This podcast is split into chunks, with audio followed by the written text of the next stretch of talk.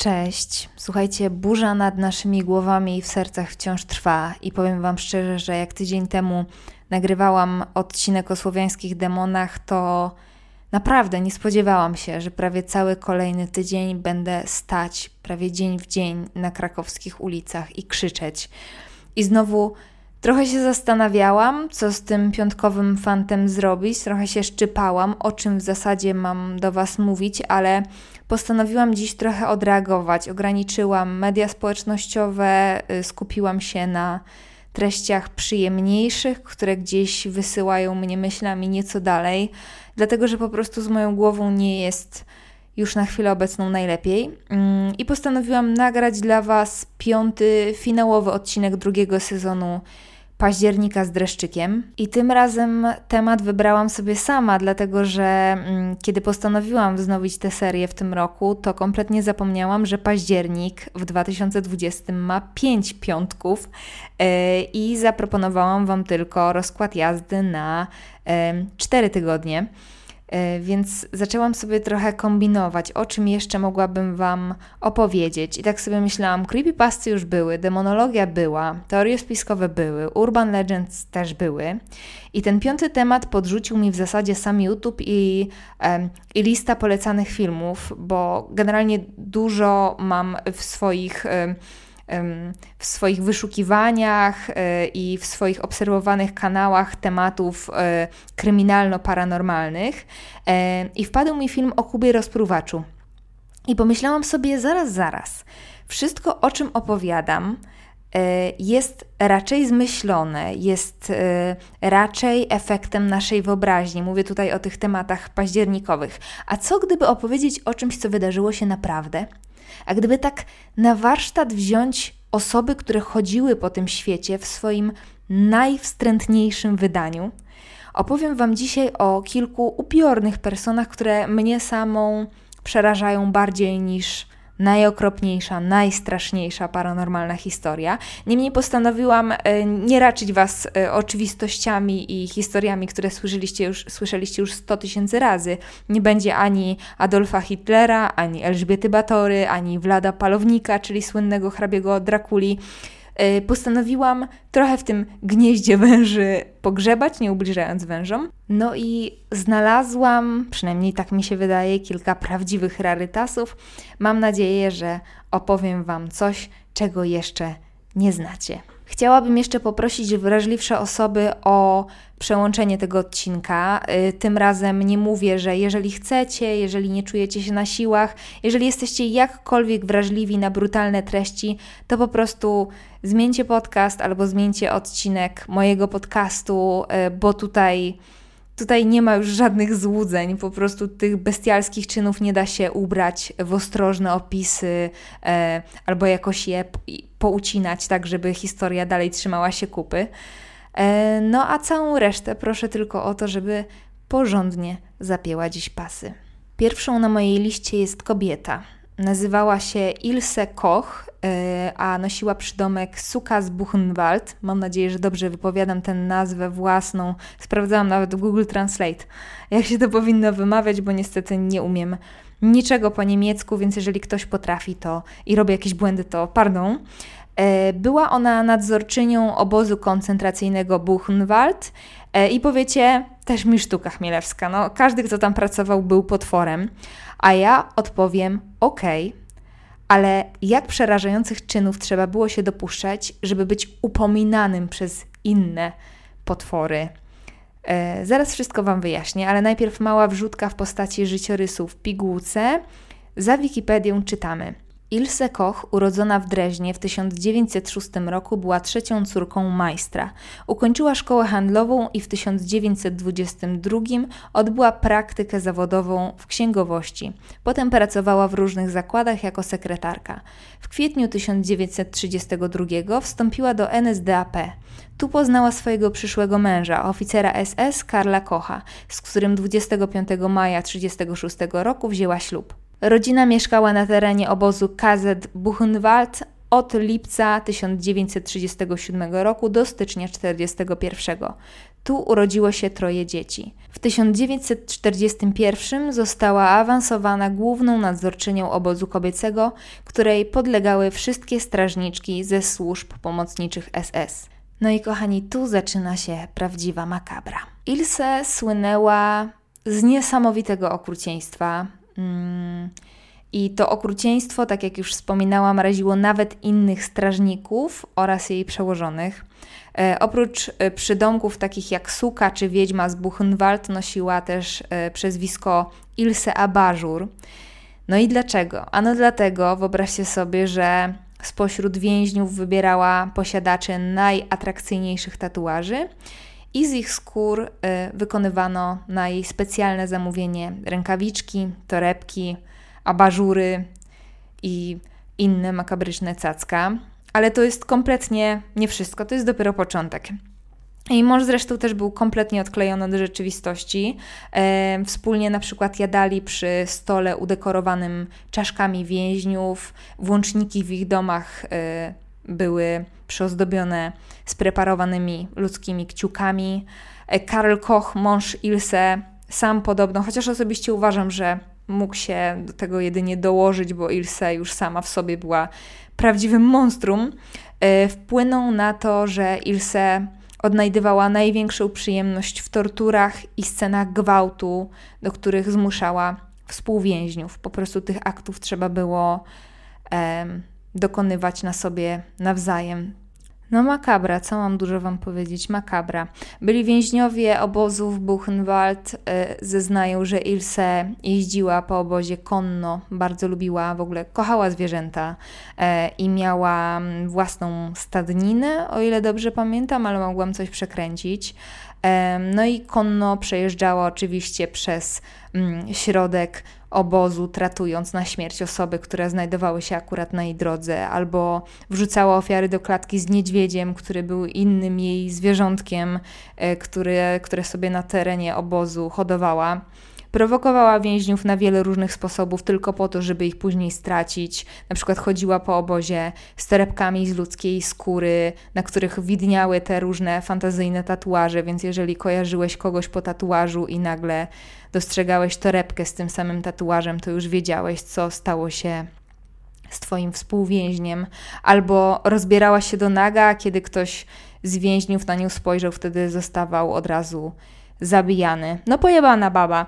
E, jej czyny budziły wątpliwość nawet innych nazistów, e, od których niejednokrotnie otrzymywała nagany, ale jak nie trudno się domyślić, system wartości był tam nieco wypaczony, dlatego do więzienia poszła nie za potworności, które, których się dopuszczała, tylko za kradzieże. Po prostu mm, podbierała kosztowności z obozu, które więźniowie przywozili razem ze sobą. W 1944 roku została uniewinniona, dlatego że trafiła faktycznie za te kradzieże na chwilę do więzienia. Później e, jeszcze kilka razy trafiała do więzienia już jako zbrodniarka wojenna, aż w końcu w 1951 roku została skazana w Augsburgu na karę dożywocia. No i samodzielnie powiesiła się na prześcieradle 2 września 1967 roku, bo to bardzo zła kobieta była. Bardzo polecam Wam w ogóle wpisywać sobie nazwiska osób, o których opowiadam w Google Grafika. To jest oczywiście taka mm, zabawa dla odważniejszych albo tych, którzy chcą jeszcze sobie jakoś dodatkowo podbić mm, te pule emocji, bo uważam, że wszystkie osoby, o których dzisiaj opowiem, mają w twarzach, a raczej w oczach coś niezwykle mrocznego, coś takiego demonicznego, nieludzkiego, zwierzęcego, a spojrzenie tej pani sprawia, że wszystkie włosy na ciele stają mi dęba. Bardzo zła energia, bardzo, bardzo, bardzo zła energia. A jeżeli już jesteśmy przy strasznych portretach, to twarz tego pana może z powodzeniem prześladować nas w koszmarach. Yy, tu już nie ma żadnych złudzeń Albert Fish. Już pierwsza linijka na wiki nie pozostawia żadnych złudzeń. Czytamy Hamilton Howard Albert Fish, urodzony 19 maja 1870 roku, zmarły 16 stycznia 1936 roku, amerykański seryjny morderca, kanibal, sadysta, masochista, pedofil. Come on. O Fish w ogóle mógłby z powodzeniem powstać kompletnie oddzielny odcinek, ale że tutaj chciałam zarysować Wam kilka różnych sylwetek, to e, chciałabym, żebyście wybaczyli mi pewną skrótowość. 2 czerwca 1928 roku do mieszkania państwa Bad zamieszkujących nowojorski Manhattan puka siwy, bardzo elegancki, przemiły, starszy gentleman. Przedstawia się jako Frank Howard, właściciel farmy na Long Island i proponuje 18-letniemu synowi państwa Bad, który właśnie zamieścił ogłoszenie o tym, że poszukuje pracy oraz jego koledze, jak później się okazało, e, pracę właśnie na farmie w zamian za 15 dolców tygodniowo, co było naprawdę fajną kasą na tamte czasy i na e, pracę, którą mieli wykonywać, bo mieli być po prostu parobkami. Kiedy mm, w sobotę mm, mężczyzna nie przyjeżdża, mm, kontaktują się z nim, okazuje się, że pojawi się w niedzielę, bo miał jakieś ważne sprawy do załatwienia, i kiedy nadchodzi niedziela, przyjeżdża po chłopców, e, rozmawiają tam na temat dokonania pewnych formalności. Nigdy nie dowiedzieliśmy się do końca, czy, e, czy chłopcy faktycznie mieliby tam pracować, czy mieliby stanowić inną atrakcję dla pana Franka Howarda. E, niemniej podczas dokonywania tych formalności mężczyzna dostrzega córkę państwa Bat, dziesięcioletnią Grace, e, bardzo miłą, bardzo rezolutną, śliczną dziewczynkę. I pan Frank Howard zaprasza ją na przyjęcie dla dzieci, które z okazji urodzin syna lub córki nie zapisałam sobie tego, e, organizuje jego siostra. No i rodzice trochę się szczypali, e, no ale gość robił niesamowicie ciepłe, przemiłe wrażenie. Córka też e, ten pomysł, córce też ten pomysł bardzo się podobał. E, nawiązała się fajna relacja między tym e, słodkim dziadeczkiem a słodką dziewczynką, więc finalnie zgodzili się na to, żeby ich dziesięcioletnia córka Grace wyruszyła e, z dziadeczkiem na przyjęcie. No inne czasy były, ludzie może sobie nie zdawali do końca sprawy, może ulegli czarowi tego pana. Jak nie trudno się domyślić, e, była to bardzo, bardzo zła decyzja, e, a elegancki gentleman okazał się Albertem Fishem. E, mężczyzna wywiózł dziewczynkę do opuszczonego domu, udusił. Tutaj wrażliwsi mają ostatnią szansę, żeby wyłączyć słuchowisko. Już? Okej. Okay. Mm, głowę zakopał, e, uznając ją za niepotrzebną część ciała, a resztę przeciął na pół, e, jak po prostu kawałek zwierzęcego mięsa, zawiózł do swojego mieszkania i jadł przez kolejne dziewięć dni. Słuchajcie, państwo Bat przez kolejne 6 lat, przez kolejne 6 lat nie znali losów swojej córki. Nie wiedzieli, czy jest zaginiona, czy, czy umarła, nie wiedzieli absolutnie nic. 11 listopada 1934 roku, tak, 34 roku, sam Fish wysłał do nich list, przyznając się do popełnionych czynów i opisując całą zbrodnię tak po prostu. I to nie były słowa skruchy, e, to nie były żadne mm, przeprosiny, e, to była po prostu nieprzemożna potrzeba pochwalenia się, jakaś taka potrzeba balansowania na granicy ryzyka, nie wiem. E, wysłał ten list na tyle nieudolnie, pozostawiając pewne poszlaki, że właściwie nie wiadomo, czy przez przypadek, czy, czy to było wszystko zamierzone, ale bardzo szybko można było go po tej przesyłce namierzyć i miesiąc później, 13 grudnia, został schwytany. No i tu historia mogłaby się skończyć. Starszemu panu po prostu coś odbiło, zabił dziecko, trafił do więzienia, kropka. Ale to jest dopiero początek historii, słuchajcie. Fish udzielił boleśnie szczegółowych zeznań. Mm, opowiedział o swoim dzieciństwie. Okazało się, że e, już od dziecka przejawiał skłonności masochistyczne, podniecał go ból, który sprawiał sam sobie na różne sposoby. Na początku bardzo biła go matka e, i w pewnym momencie zaczęło mu sprawiać to przyjemność, i później już sam w ten sposób się zaspokajał. Wydaje mi się, że największe ciarki budzi myśl, że sobie chłop wbijał w ciało długie igły, które pozostawały później w nim i podczas rentgenu już w trakcie dochodzenia e, znaleziono w jego ciele 27 takich igieł ja pieprzę. Koleś przyznał się do setki dzieci, które, jak mówił, uwiódł. Bardzo zabawne słowo w kontekście jego czynów, dodając, że od zawsze bardzo lubił dzieci. E, był kompletnie niepoczytalny. W pewnym momencie swojego życia zaczął również mięso swoich ofiar konsumować i w ten sposób przeżył, wyobraźcie sobie, 64 lata w totalnym ukryciu, bez cienia podejrzeń. Proces Alberta Fisza trwał 9 dni, dyskutowano nad jego poczytalnością, ale jednak sąd orzekł, orzekł, że Albert Fish jest w pełni władz umysłowych, a jego zbrodnie były dokonywane z pełną premedytacją i bestia została skazana na karę śmierci. I po internecie krąży zdjęcie straszne zdjęcie. Znaczy straszne, nie, nie, nie brutalne, ale w, swoim, w swojej energii, w swoim wydźwięku absolutnie przerażające i hipnotyzujące zarazem. E, kiedy starszy pan o takim chłodnym spojrzeniu, e, wbitym w obiektyw, e, jest przypinany przez grupkę ludzi do krzesła elektrycznego. I powiem Wam, że ten obraz budzi naprawdę skrajne emocje, bo jest to jednocześnie smutna, jednocześnie przerażająca scena i pomimo tego, że wiesz, kim jest ten mężczyzna, to jednak robi ci się go trochę szkoda, bo widzisz po prostu staruszka.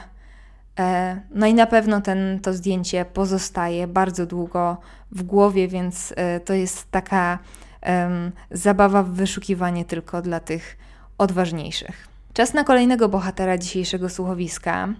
E, w którejś z części American Horror Story występował przerażający clown morderca. E, jeżeli widzieliście tę część, to na pewno go pamiętacie, bo co tu dużo gadać, charakteryzatorzy mocno się postarali. E, to chyba była część o tytule Freak Show, możliwe? Nie, nie, pamiętam w tym momencie. Chyba tak, to była ta o cyrku, chyba, ale ręki sobie nie dam uciąć.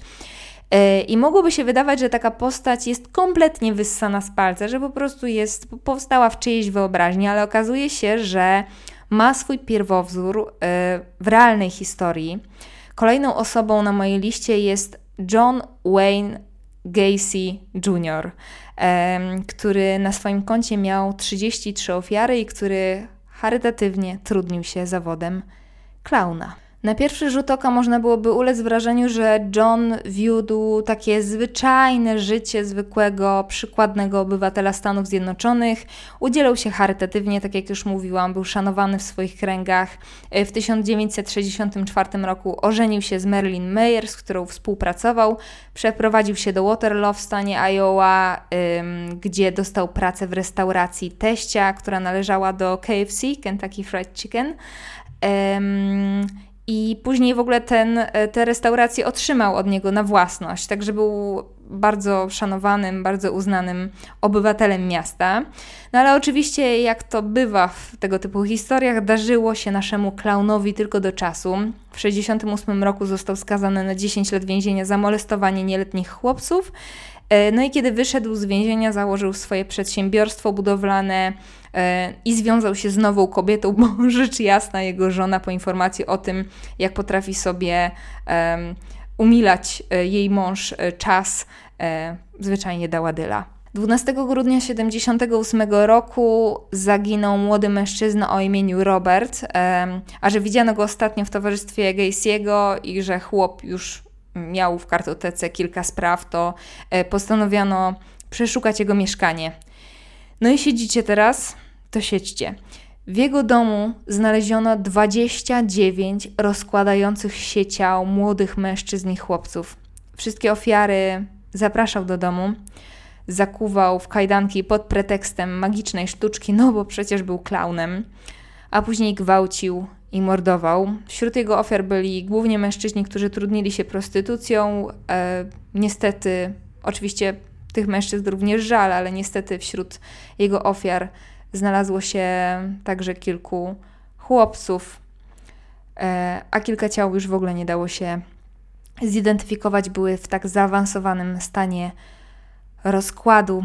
Proces Gacy'ego odbył się 6 lutego 1980 roku. Morderca w zasadzie bez żadnej skruchy przyznał się do zarzutów i został skazany na karę śmierci przez podanie trucizny i jego mózg Wyobraźcie sobie, został przekazany do badań, bo naprawdę był bardzo, bardzo ciekawym przypadkiem z punktu widzenia psychologii i psychiatrii. Gacy na przykład utrzymywał, że ma w sobie trzy osoby: Johna Clowna, Johna biznesmena i Johna mordercę, którego nazywał Jackiem Harley'em. E, waszej szczególnej uwadze polecamy rysunki i obrazki, które sam malował i, e, i których głównym bohaterem był, e, no, jak się nie trudno się domyślić, on sam, clown morderca. I przez to, że są niesamowicie kolorowe i niesamowicie naiwne, takie wręcz dziecięce, to budzą bardzo niepokojący zestaw emocji. E, sama historia i postać Gacy'ego jest e, upiorna, jest bardzo zawiła. Tu sprzedałam Wam tylko taki smaczek, ale zachęcam do mocniejszego wgryzienia się w temat, jeżeli ta postać Was jakkolwiek zaintrygowała. A tymczasem lecimy dalej. Mm, słuchajcie, gdybym sobie mm, tych wszystkich ludzi, o których już opowiedziałam i o których jeszcze opowiem, ustawiła od najmniej do najbardziej dla mnie przerażających, e, zrobiła sobie taki ranking, czego oczywiście nie zrobiłam, to Andrii Cicatillo, e, czyli słynny rzeźnik z Rostowa, byłby zdecydowanie moim numero uno. Mm, przeniesiemy się teraz do Związku Radzieckiego. Andrii e, rodzi się 1936 roku na Ukrainie. Kilka lat przed jego narodzinami kończy się potworny rozdział w ukraińskiej historii, czyli Holodomor. Czuję się jak na studiach z powrotem. E, polska nazwa to jest chyba Wielki Głód, ukraiński Wielki Głód. Jezu, nie pamiętam. Strasznie, to jest, to jest debilne dopiero, że pamiętam ukraińską nazwę, a polskiej nie. No ale uczyłam się tego na studiach już w języku ukraińskim, więc tak, chyba Wielki Głód. E, I słuchajcie, okropny to był czas. I nie będziemy tu wchodzić głębiej w historię naszych sąsiadów, ale ten rozdział naprawdę odcisnął olbrzymie piętno na narodzie ukraińskim. No i Chikatilo e, rodzi się kilka lat później i właściwie od małego słyszy historię o swoim bracie, który, którego inni mieszkańcy wsi zjedli z głodu. Nie wiadomo na ile ta historia jest prawdziwa, ale faktycznie akty kanibalizmu się wtedy zdarzały, bo ludzie nie mieli co jeść i dopuszczali się strasznych czynów, żeby walczyć o własne życie. Niemniej jednak mm, w, te, w cieniu tej historii Andrzej dorastał i nie wiadomo, czy wpłynęła później na jego czyny, ale miejcie ją gdzieś z tyłu głowy, bo później będzie istotna. Dodatkowo był tłuczony przez swoją matkę, dorastał bez ojca, dzieciństwo miał bardzo, bardzo ciężkie. Y, mimo wszystko skończył szkołę, jako jedyny zdał maturę y, w swoim roczniku czy w swojej klasie, tego nie odnotowałam nie dostał się na wymarzone studia i tutaj jest rozbieżność, dlatego że w jednych źródłach czytałam, że to były studia medyczne, w drugich, że prawnicze, więc uznajmy po prostu, że nie dostał się na studia, na które chciał się dostać, później korespondencyjnie skończył inne, z tego co pamiętam, e, coś związanego z literaturą rosyjską, no i został nauczycielem. No i nie był za szczególnie szanowany. Przez swoich uczniów, ale sam się też do tego dołożył, dlatego że e, zostawał nakryty na przykład nad tym, jak, e, na tym, jak e, podglądał uczniów przebierających się w szatni, próbował raz napastować jednego z uczniów mieszkających w internacie, podczas kiedy ten spał, dostał od innych kolegów tego chłopaka bęcki, ale przez to, że miał różne koneksje partyjne, to uszło to zupełnie mu na sucho, musiał po prostu zmienić placówkę i w ten sposób trafił do szacht. I właśnie w szachtach w 1978 roku zabił swoją pierwszą ofiarę. E, dziewczynka miała tylko 9 lat, nazywała się e, Lenka Zakotnowa. E, mężczyzna próbuje przekupić dziecko zagranicznymi cukierkami, ciągnie ją w ustronne miejsce, próbuje zgwałcić i kiedy mu się to nie udaje, zabija ją nożem. E, I no właśnie, tu ważna informacja. E, u mordercy pojawiła się erekcja, kiedy zabił to dziecko. Jezu, strasznie ciężko się mówi o takich rzeczach. Um, no ale tak, tak było po prostu. Um, facet miał impotencję, w zasadzie nigdy nie osiągnął e, satysfakcji seksualnej i to był właśnie jego pierwszy raz. Za morderstwo oczywiście jak to w Związku Radzieckim odpowiedział inny mężczyzna, Chikatilo, y, za to wiedział w tym momencie już, że mordowanie daje mu satysfakcję, której nigdy nie mógł zaznać. E, I w 1981 roku zabija mm, kolejną swoją ofiarę, po raz kolejny odkrywając, że mordowanie sprawia mu wielką rozkosz. I jak się chłop w tym przekonaniu utwierdził, to zaczął zachowywać się dosłownie jak dzikie zwierzę. E, psychiatra już po aresztowaniu Cikatiły y, pisał on nie był w stanie odczuwać przyjemności w trakcie aktu płciowego z kobietą. Pojawiła się potrzeba poniżenia i bicia obiektów swojego pożądania, co doprowadzało u niego do rozwoju cech sadystycznych. Stopniowo znikały uczucia winy i wstydu. Wzrastał jego chłód emocjonalny.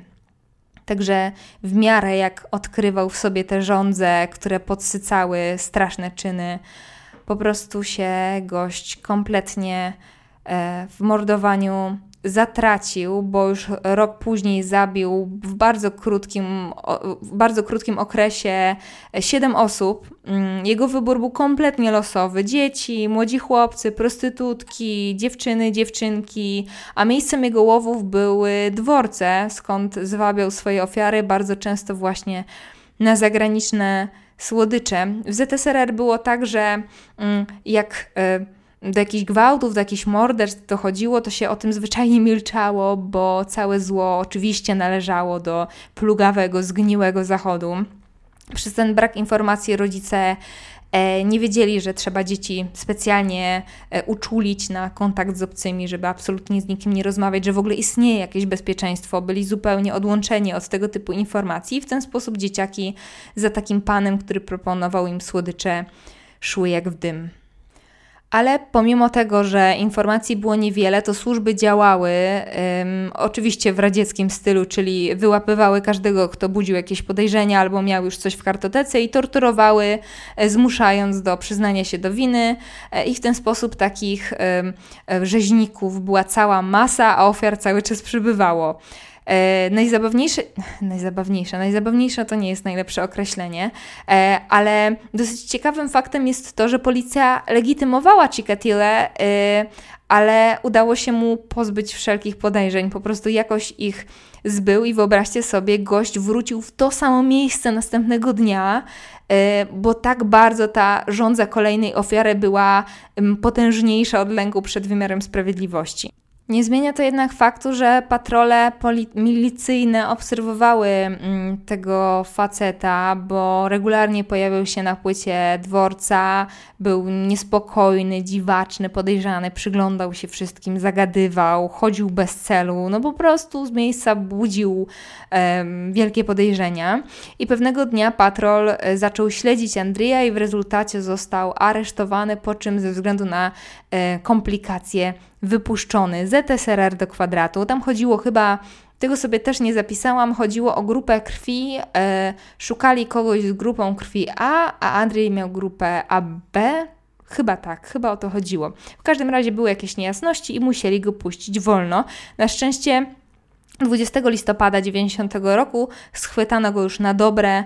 E, początkowo oczywiście nie przyznawał się do winy, strasznie kręcił i dopiero po rozmowie z psychiatrą zaczął się zaczął się otwierać i zaczął mówić, i tu znowu zaczyna się jazda dla osób naprawdę o mocnych nerwach. Chikatilo był niejednokrotnie porównywany do dzikiego zwierzęcia, dlatego że swoje ofiary zaciągał do lasu, zabijał, gwałcił i zjadał ich narządy rozrodcze, zabierał ze sobą różne fragmenty ciała, gubił je po drodze, rozrzucał. Jak sam przyznał później w zeznaniach z radości, wył jak dzikie zwierzę.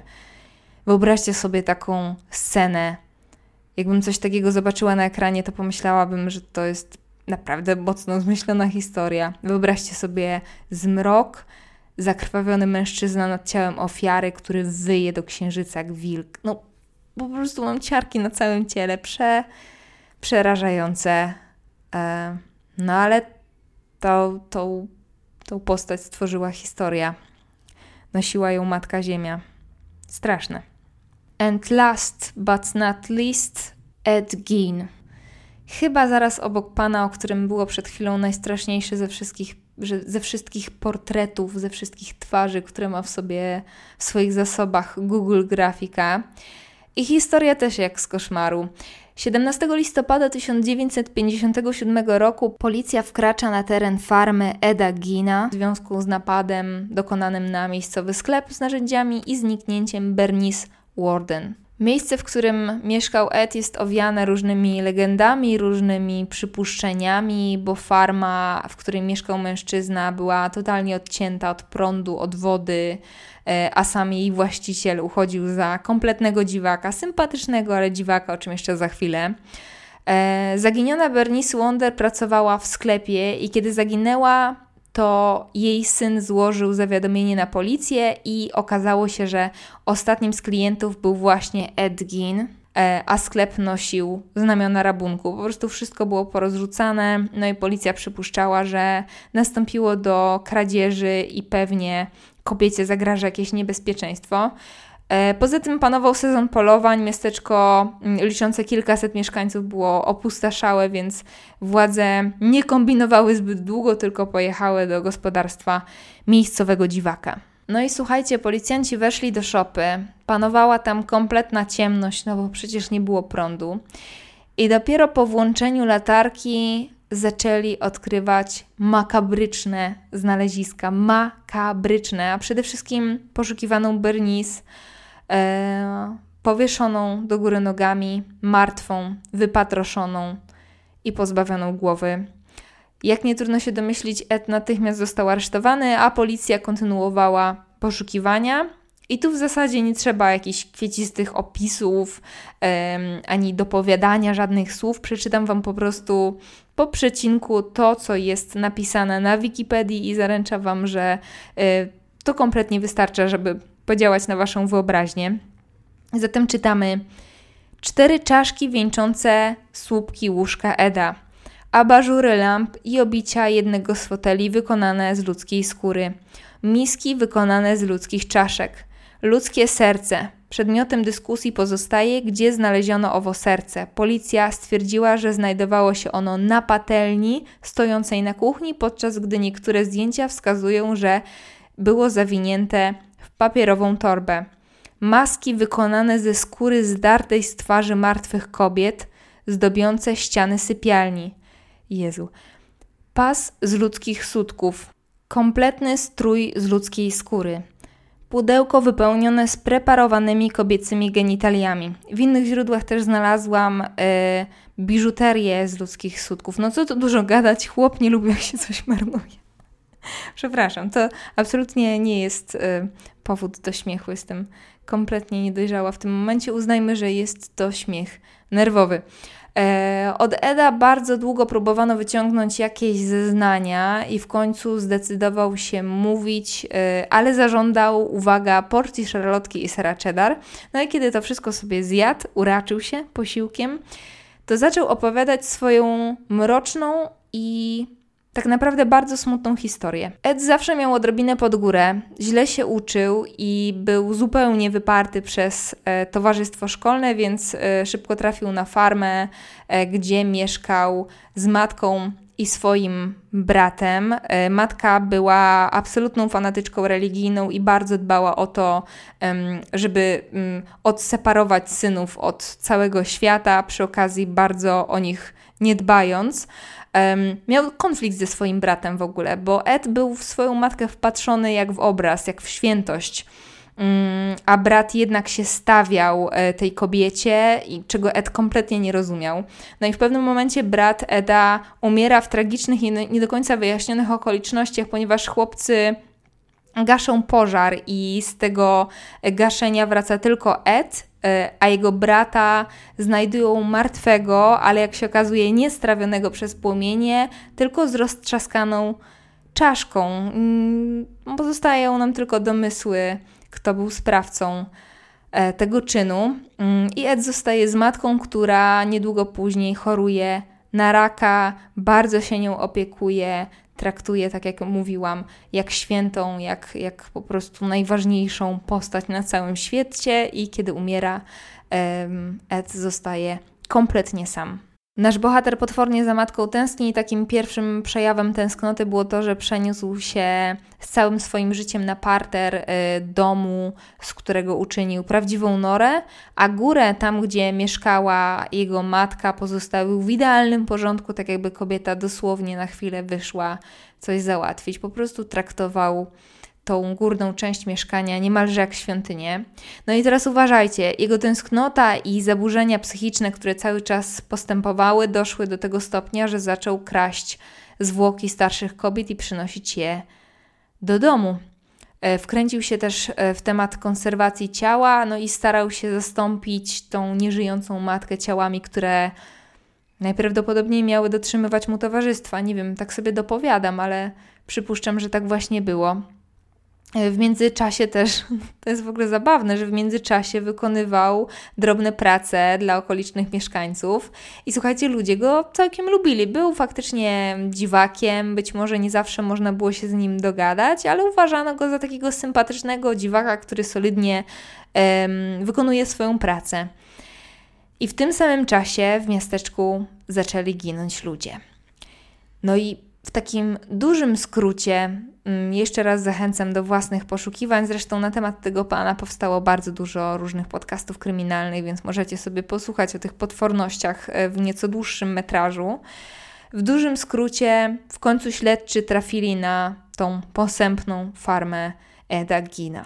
Wyobraźcie sobie jednak, że mm, mężczyzna nie trafił do więzienia, ponieważ tak jak już wspominałam i pewnie się też domyślacie, był kompletnie niepoczytalny i spędził resztę życia w szpitalu psychiatrycznym, gdzie później zmarł. I lekarze wspominali, że Ed był super spokojny, super układny, nie sprawiał żadnych problemów, czytał sobie po prostu spokojnie gazetę. Wydawał się, można byłoby nawet zaryzykować stwierdzenie, że wydawał się szczęśliwy. Y, wszystko zmieniało się, kiedy nadchodziła pełnia. Robił się wtedy dziwny, rozpierała go energia, dużo mówił, opowiadał o tym, co robił jeszcze za czasów wolności. Po prostu wchodził w takie krótkie okresy manii, po których uspokajał się. Wystarczyło, że pełnia przechodziła i Ed z powrotem był tym spokojnym, układnym, grzesznym pacjentem. Zmarł na powikłanie nowotworowe i spoczął obok swojej ukochanej mamy na cmentarzu, który za życia bardzo lubił odwiedzać.